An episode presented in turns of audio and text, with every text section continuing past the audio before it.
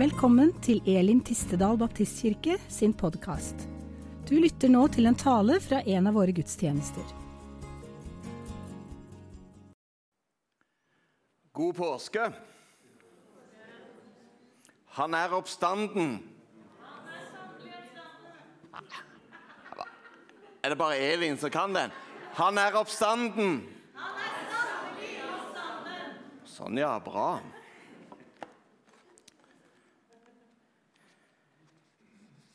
Det var en gang en eh, prest som eh, skulle holde andakt i en kvinneforening oppe i Bergen. Der var det bare eldre damer til stede. Og Først skulle de servere kaffe og kake. Så etter ei stund ute i kaffekosen så spurte hun som leder arrangementet skal vi slippe til presten nå, eller skal vi ha det hyggelig litt til.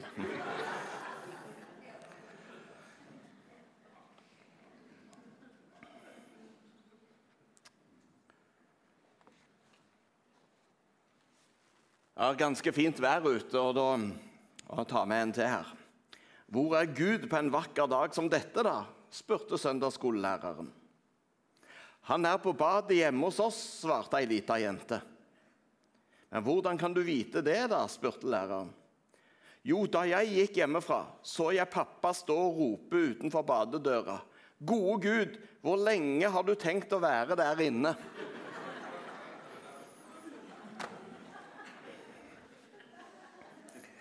Ta det til seg, den som vil.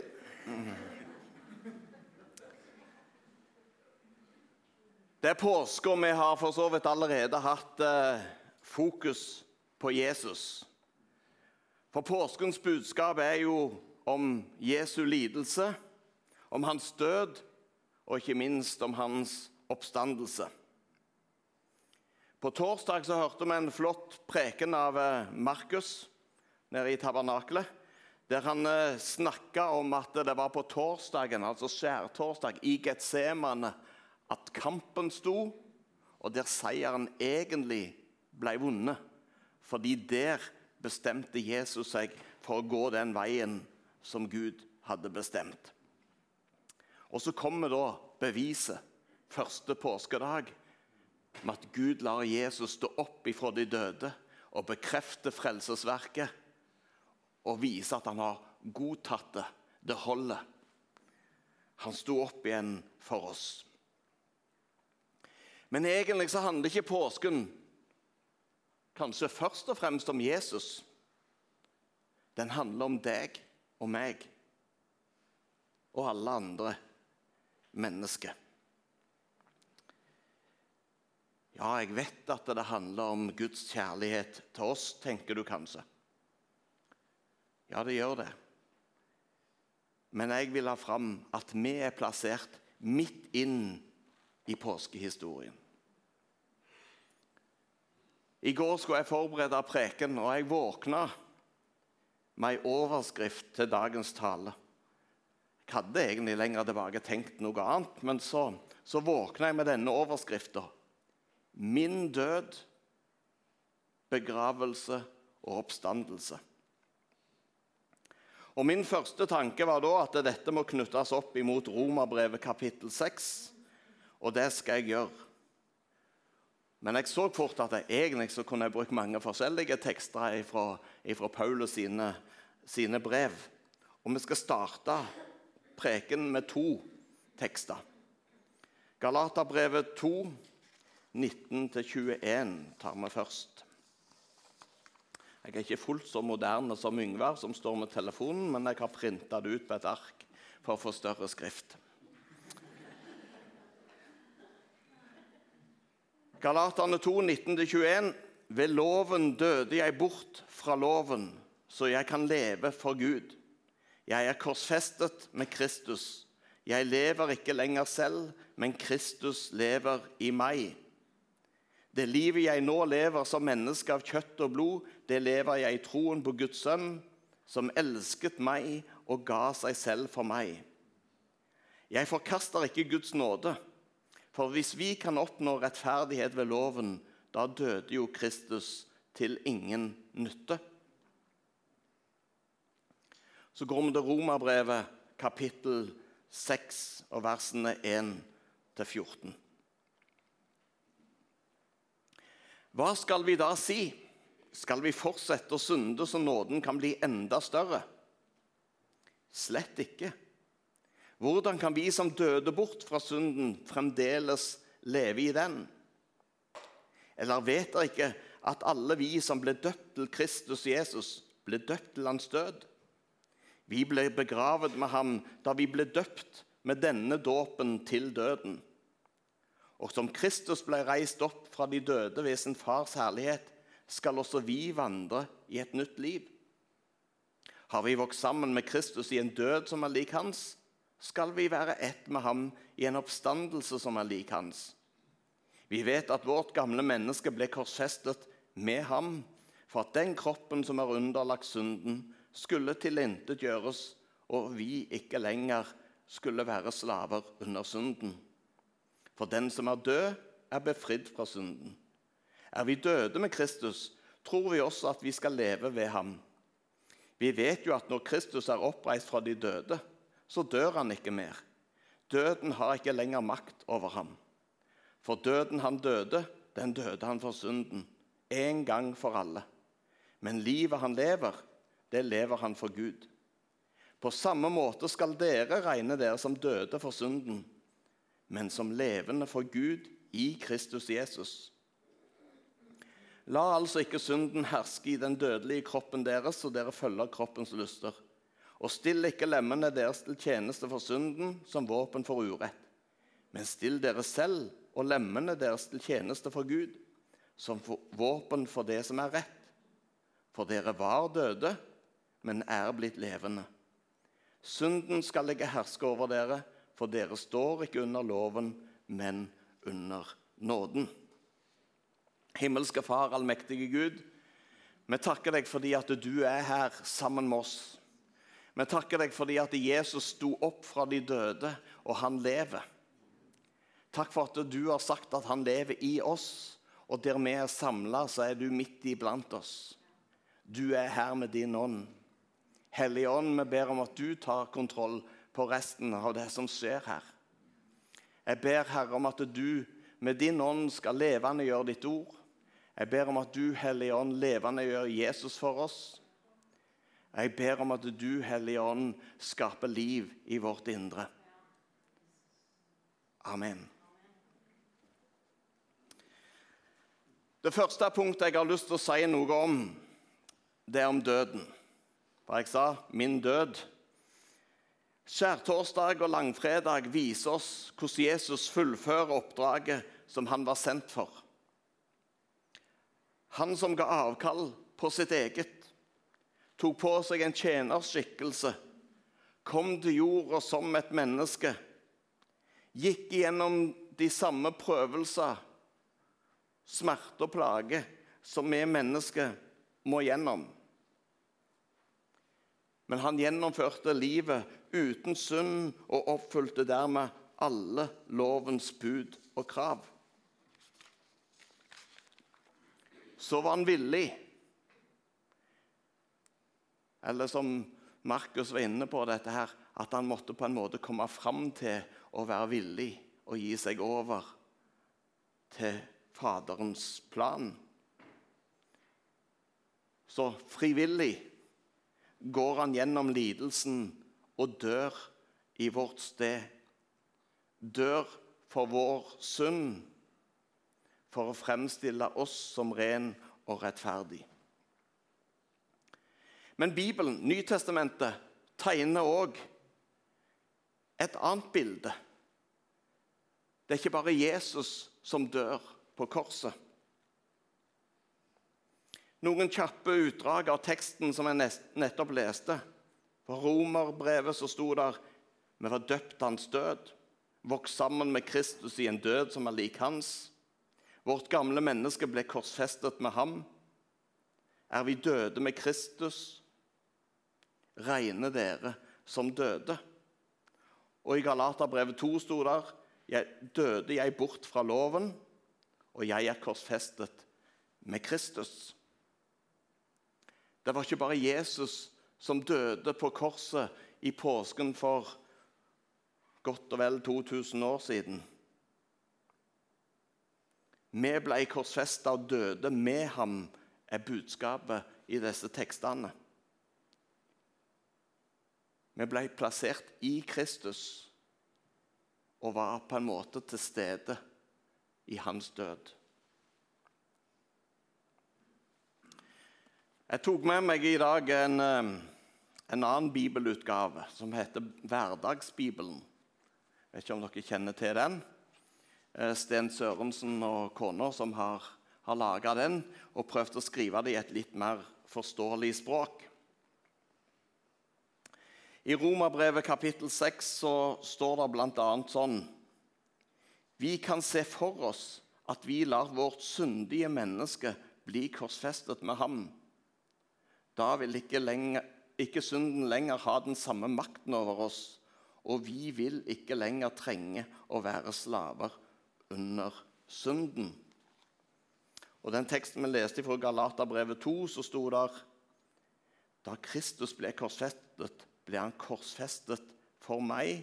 Jeg ble altså på en måte korsfestet sammen med ham. Pga. Adams fall, eller Adam og Evas fall, så fikk vi en, en syndig natur der vi valgte, menneskene valgte bort Gud, valgte bort å følge hans plan og leve på sin egen måte. Og Så skriver Paulus en plass at vi er alle skyldige og uten Guds ære. Så kommer Jesus og dør på korset. Og så dør vi sammen med han. Og der står det i Romane 6, 6 og 7 Vi vet at vårt gamle menneske ble korsfestet med ham for at den kroppen som var underlagt synden, skulle tilintetgjøres, og vi ikke lenger være slave under synden. For den som er død, er befridd fra synden. Når Jesus døde på korset, så var det til tilgivelse for all vår synd for alle mennesker i denne verden ifra da og like til Jesus en gang kom igjen. Og så sto det at vi var befridd fra synden, og at vi skulle regne oss som døde ifra den. Vi trenger å se at i Jesus Kristus så står vi foran Gud som ren og rettferdig, himmelen verdig. Alt møkk er vaska bort. Dette kan de fleste av oss. I Galaterne 19 og 20 så sto det ved loven døde jeg bort fra loven, så jeg kan leve for Gud. Jeg er korsfestet med Kristus. Jeg lever ikke lenger selv, men Kristus lever i meg. Vi døde ikke bare bort fra synden, men her sto det at vi døde fra loven. For på den tiden så var israelittene underlagt loven. De ti bud og hele denne store loven.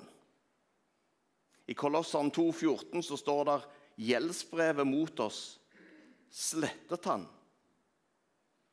Det som var skrevet med lovbud. Han tok det bort fra oss da han nagla det til korset. Sånn at det var på en måte ikke egentlig synden han nagla til korset. Det var loven som vi skulle bli dømt etter, som ble nagla til korset. Dermed så har verken djevelen noen makt over oss til å anklage oss.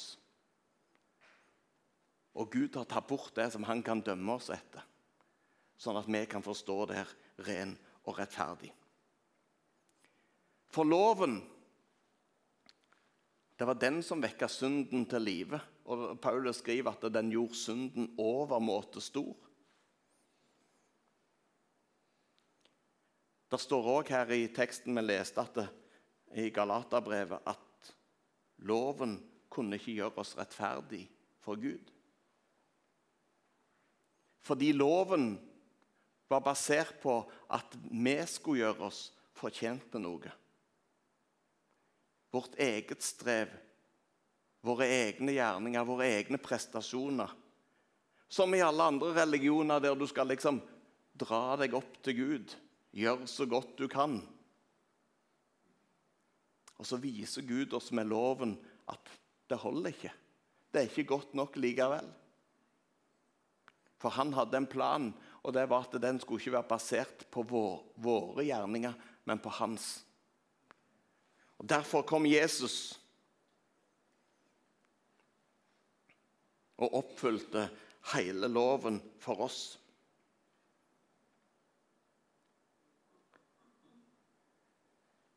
Paulus skriver til Feseren at hvis vi kunne leve etter lovgjerninger og få rettferdighet ut av det, så ville vi skryte av det.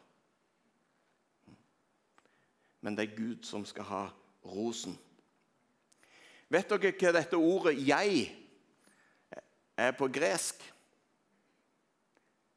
Og Noen som vet hva Jesus sa på gresk når han sa Guds navn 'Jeg er'? Ingen som vet det. Ego, aimi, sa Jesus. Ordet 'jeg' på gresk er ego. Jesus snakka om når han gikk på jorda, at vi må ta opp vårt kors og følge ham. Han sa at vi må dø. Han sa at den som mister sitt liv, skal finne det. Da vi innser at vi døde med Han på korset, så må vi òg sette dette i sammenheng med det Jesus sa. Vi trenger å dø bort fra jeget, ego. Vi trenger å dø fra mitt ego. Det handler ikke om meg. Daglig må vi ta opp vårt kors og innse at han døde for meg, og jeg døde med han. Min respons er da å la mitt ego dø sammen med ham. For vi har korsfesta det gamle mennesket med ham. Jeg skal plukke opp den tråden litt seinere. Påsken handler om at Jesus døde for oss, men òg at vi døde med ham. Og at vi må fortsette å dø fra egoet. Det var litt om døden. Og Så sa jeg at min død, min begravelse og Begravelsen henger jo for så vidt sammen med, med døden. Men i Romerbrevet 6,4 så sto det vi ble begravet med ham da vi ble døpt med denne dåpen til døden. Dette avsnittet i Romerbrevet som jeg leste, det handler jo selvfølgelig òg om dåp. Og, og er noe av det som vi som baptister bygger vårt dåpssyn på. Men jeg tenker på dette med begravelse på, tenkte på noen forskjellige ting. Først av alt, i Det gamle testamentet i ei bok som heter Mika, kapittel 7, vers 19, så står det at han skal kaste våre synder i havets dyp. Det er det første jeg har lyst til å si noe om når det gjelder begravelse. Når du har innsett, erkjent din synd og forstått at den ble fjerna på korset, så må du anse den som begrava og ferdig. Og ikke drive og dra det opp igjen og så liksom enda en gang åh, det var Vi mennesker er laga sånn at vi har veldig lett for det. Og jeg vet om menn til som er veldig glad i å dra fram igjen de der gamle tingene. Men det som er dødt og begrava, det er borte.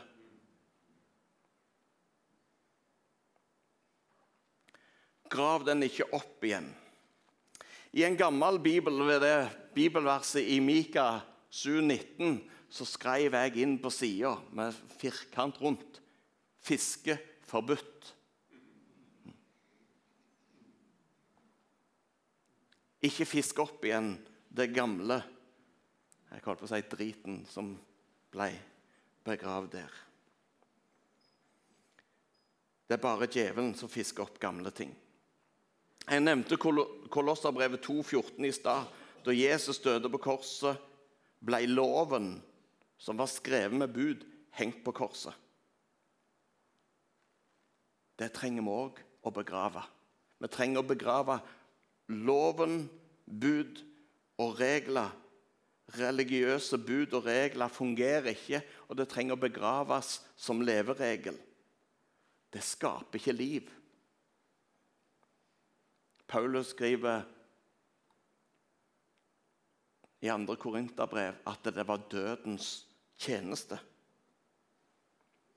Men som sagt så handler denne teksten i Romerbrevet om dåp og sammenhengen mellom det Jesus gjorde i påsken, og vår dåp. Og Som baptister så syns jeg vi snakker altfor lite om dåp. Men dåpen er en fin og god symbolsk handling. Når vi har innsett at vårt eget liv ikke holder mål, at vi ikke er perfekt, og at vi trenger frelse, ja, så er det på tide å ta imot Jesus som vår frelser, som vår redningsmann, som vår forsoner. Han sletta ut synden, og vi får dø ifra det gamle mennesket. Og I dåpen så blir dette så fint illustrert med at vi blir døpt ned i, i vannet. Jeg holdt på å si i glemselens hav. Og så får vi begrave det gamle livet. Jeg tror nok de fleste som er her inne, er blitt døpt. Men for deg som ikke er det, og du har kanskje tatt imot Jesus, eller innser at du trenger å ta imot Jesus, så er òg den dåpen en bekjennelse av at jeg begraver mitt ego og vil tilhøre Jesus. For Peter skriver i sitt første brev, kapittel 3, dåpen er ingen renselse for ytre urenhet, men en god samvittighetsbekjennelse til Gud. Men i dag I dag er dagen da vi feirer oppstandelse. For Jesus seira over døden. Døden kunne ikke holde ham fast. Grava kunne ikke holde ham fast. Han for ned i dødsriket, men han sto opp igjen den tredje dagen. Hans oppstandelse er beviset på at frelsesverket er godkjent. Paulus skrev i Romane 6,5.: Har vi vokst opp, har vi vokst sammen med Kristus i en død som er lik hans, skal vi være ett med ham i en oppstandelse som er lik hans. Vi har snakket om dåpen, vi har snakket om begravelse. At dåpen er som en begravelse fra det gamle. Men den er òg en oppstandelse. Du blir ikke værende der unna, unna i vannet. Du blir løfta opp igjen. Derfor er det òg sånn at de Så kan vi mene hva vi vil om det. Eh, men at det blir brukt hvite dåpskapper, er jo for å illustrere at når du kommer opp, så er du ren. Men det blir en oppstandelse. En oppstandelse til et nytt liv. Om døden og begravelsen var viktig i Jesu verk, og i våre liv så er oppstandelsen likevel det aller viktigste. For Jesus er ikke lenger i grava. Grava var tom.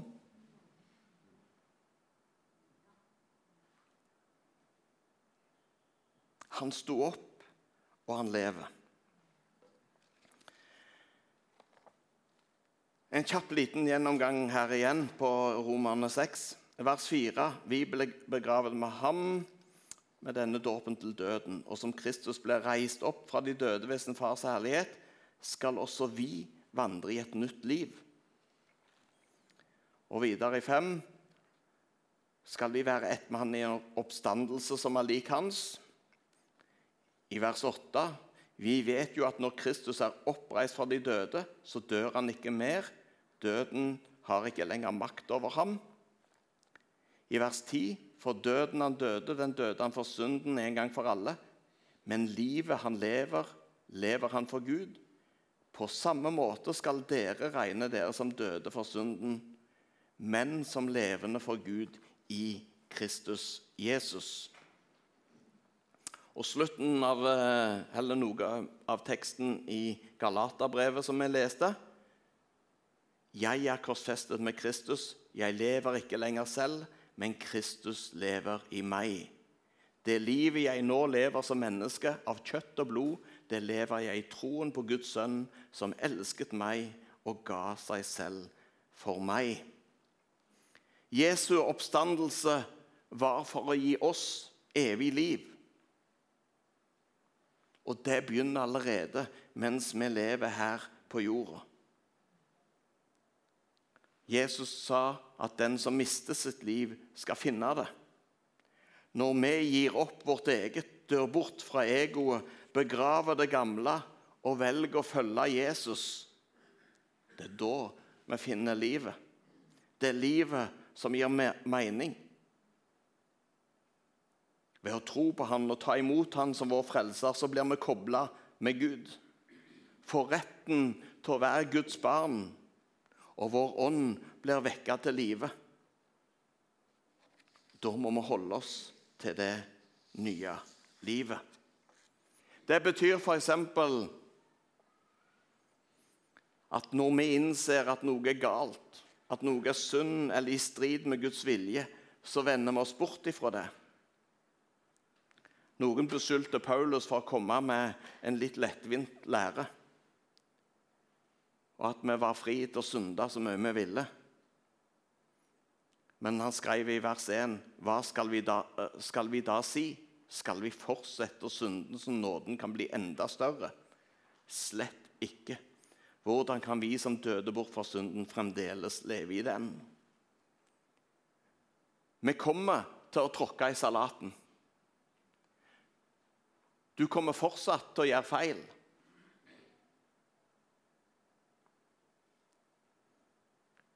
men Guds nåde rekker.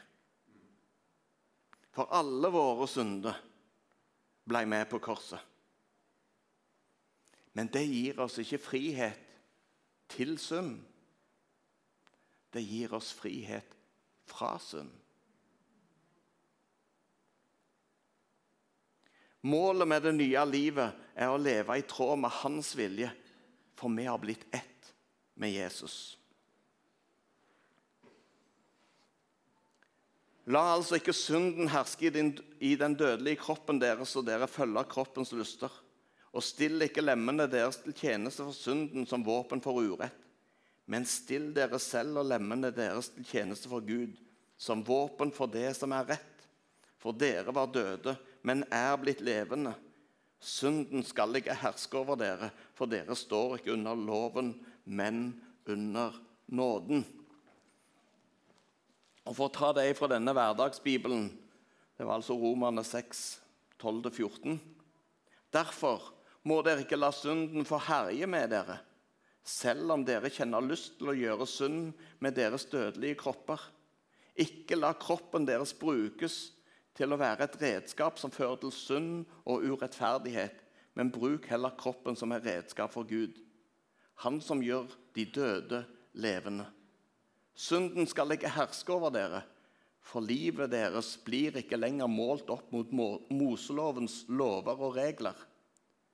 Nå er det Guds nåde som gjelder. Vårt nye liv er en respons på Hans godhet og nåde. Hvor mange av dere er det som er gift? Ja, mange. Når det er vielse, så er det to parter. To som blir gift, to som skal bli til ett. To som blir til ett fett, er det ikke det de sier? Iallfall på engelsk. Men i vielsen så er det en brud og en brudgom. Og Bibelen bruker til og med det bildet at vi er bruden, og Jesus er vår brudgom. Men for at vielsen skal bli godkjent, så må begge svare ja. I Norge er det til og med fastlagt ritual som vi er nødt til å følge. For det er kun det som er godkjent. Så hvis vi gjør det på en litt annen måte, og folk sier ja, så er det faktisk ikke godkjent likevel. Men poenget er at begge parter må svare ja. Og da blir det litt sånn rart hvis at eh, brudgommen sier ja, og bruden lar være å svare. Eller at bruden sier nei. Jesus er brudgommen. Han har ved sin død oppstandelse sagt ja. Hva er din respons? Er responsen ja? Nei? Eller vet ikke?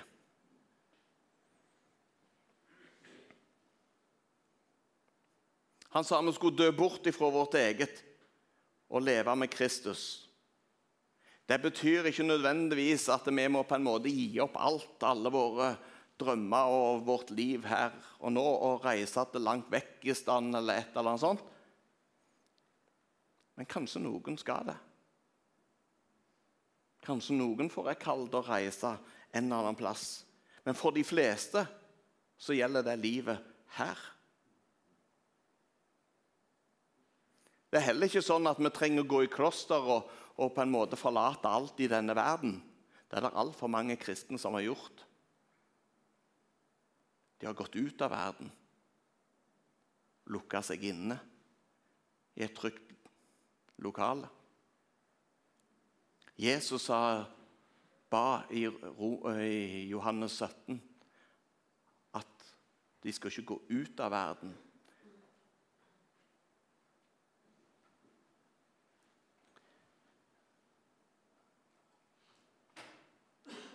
Vi er i verden, men ikke av verden, sa han.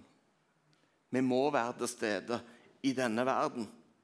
Men det er noe annet som preger vårt liv. Noe som våre venner og kollegaer skal få lov til å merke. Vi skal ikke leve vårt liv, eller vi skal leve vårt liv for at Guds godhet og Guds nåde skal bli tilgjengelig for andre mennesker. Hverdagsbibelen igjen Galaterne 2, 20 og 21. Da Kristus ble korsfestet, ble han korsfestet for meg. Jeg ble altså på en måte korsfestet sammen med ham. Derfor lever jeg ikke lenger livet for meg selv. Nå er det Kristus som skal få leve sitt liv gjennom meg. Det livet som jeg nå lever her på jorden, skal preges av min tro på Guds sønn, han som elsket meg og ga seg selv for meg. Jeg nærmer meg slutten, men jeg har lyst til å ta med at oppstandelsen handler ikke bare om å stå opp til et nytt liv sammen med Jesus mens vi lever her. Det kommer en oppstandelse til. Jesus har lov til å komme, igjen og ta med seg alle som tror på ham, til oppstandelse. For vi kommer òg til å dø rent fysisk.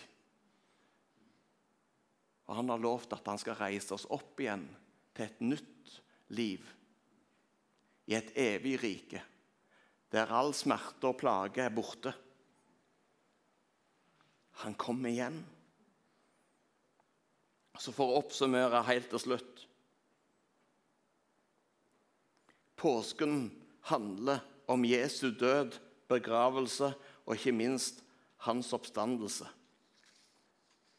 Men den handler òg om meg. Jeg var nesten frista til å si Kan vi gjenta det sammen? Påsken handler også om meg. Om min død, min begravelse og min oppstandelse til nytt liv. Så oppfordringen til slutt er så la oss daglig vende oss til Gud og be om hjelp til å dø bort ifra vårt eget, vårt ego, begrave det og vandre i det nye livet som han har for oss. Og så kan vi be sånn som Jesus lærte oss. La ditt rike komme. La din vilje skje. Jeg avslutter med fire vers fra Kolosserbrevet. Men gå gjerne hjem og les videre. Kolosserne 3, 1-4. Er dere da reist opp med Kristus, så søk det som er der oppe, hvor Kristus sitter ved Guds høyre hånd. La sinnet være vendt mot det som er der oppe, ikke mot det som er på jorden. Dere er jo døde, og deres liv er skjult med Kristus i Gud. Jeg kom på Jeg så en fantastisk illustrasjon på det en gang. Hvis det er meg Guds ord det blir også omtalt, altså Jesus står omtalt som Guds ord, det levende ord. Mitt liv med Kristus i Gud. En gang til. Dere vet jo Nei, dere er jo døde. Deres liv er skjult med Kristus i Gud. Men nå, men når Kristus, deres liv, åpenbarer seg, da skal også dere bli åpenbart i herlighet sammen med ham. Himmelske Far, jeg har lyst til å takke deg fordi at du døde. Du døde i vårt sted. Du tok våre synder på deg. Du ble gjort til synd for oss. Men takk for det at vi òg kan lære at vi døde og fikk vår straff når du hang på korset. Hjelp oss, Herre, til å leve dette livet i tro på deg, i tro på at også vi døde sammen med deg. Hjelp oss til å leve dette livet og daglig dø bort ifra vårt ego og rette fokuset opp på deg, på det som er i himmelen, på det som er din vilje, sånn at andre mennesker får møte deg gjennom oss. Det ber jeg om i ditt hellige navn. Amen.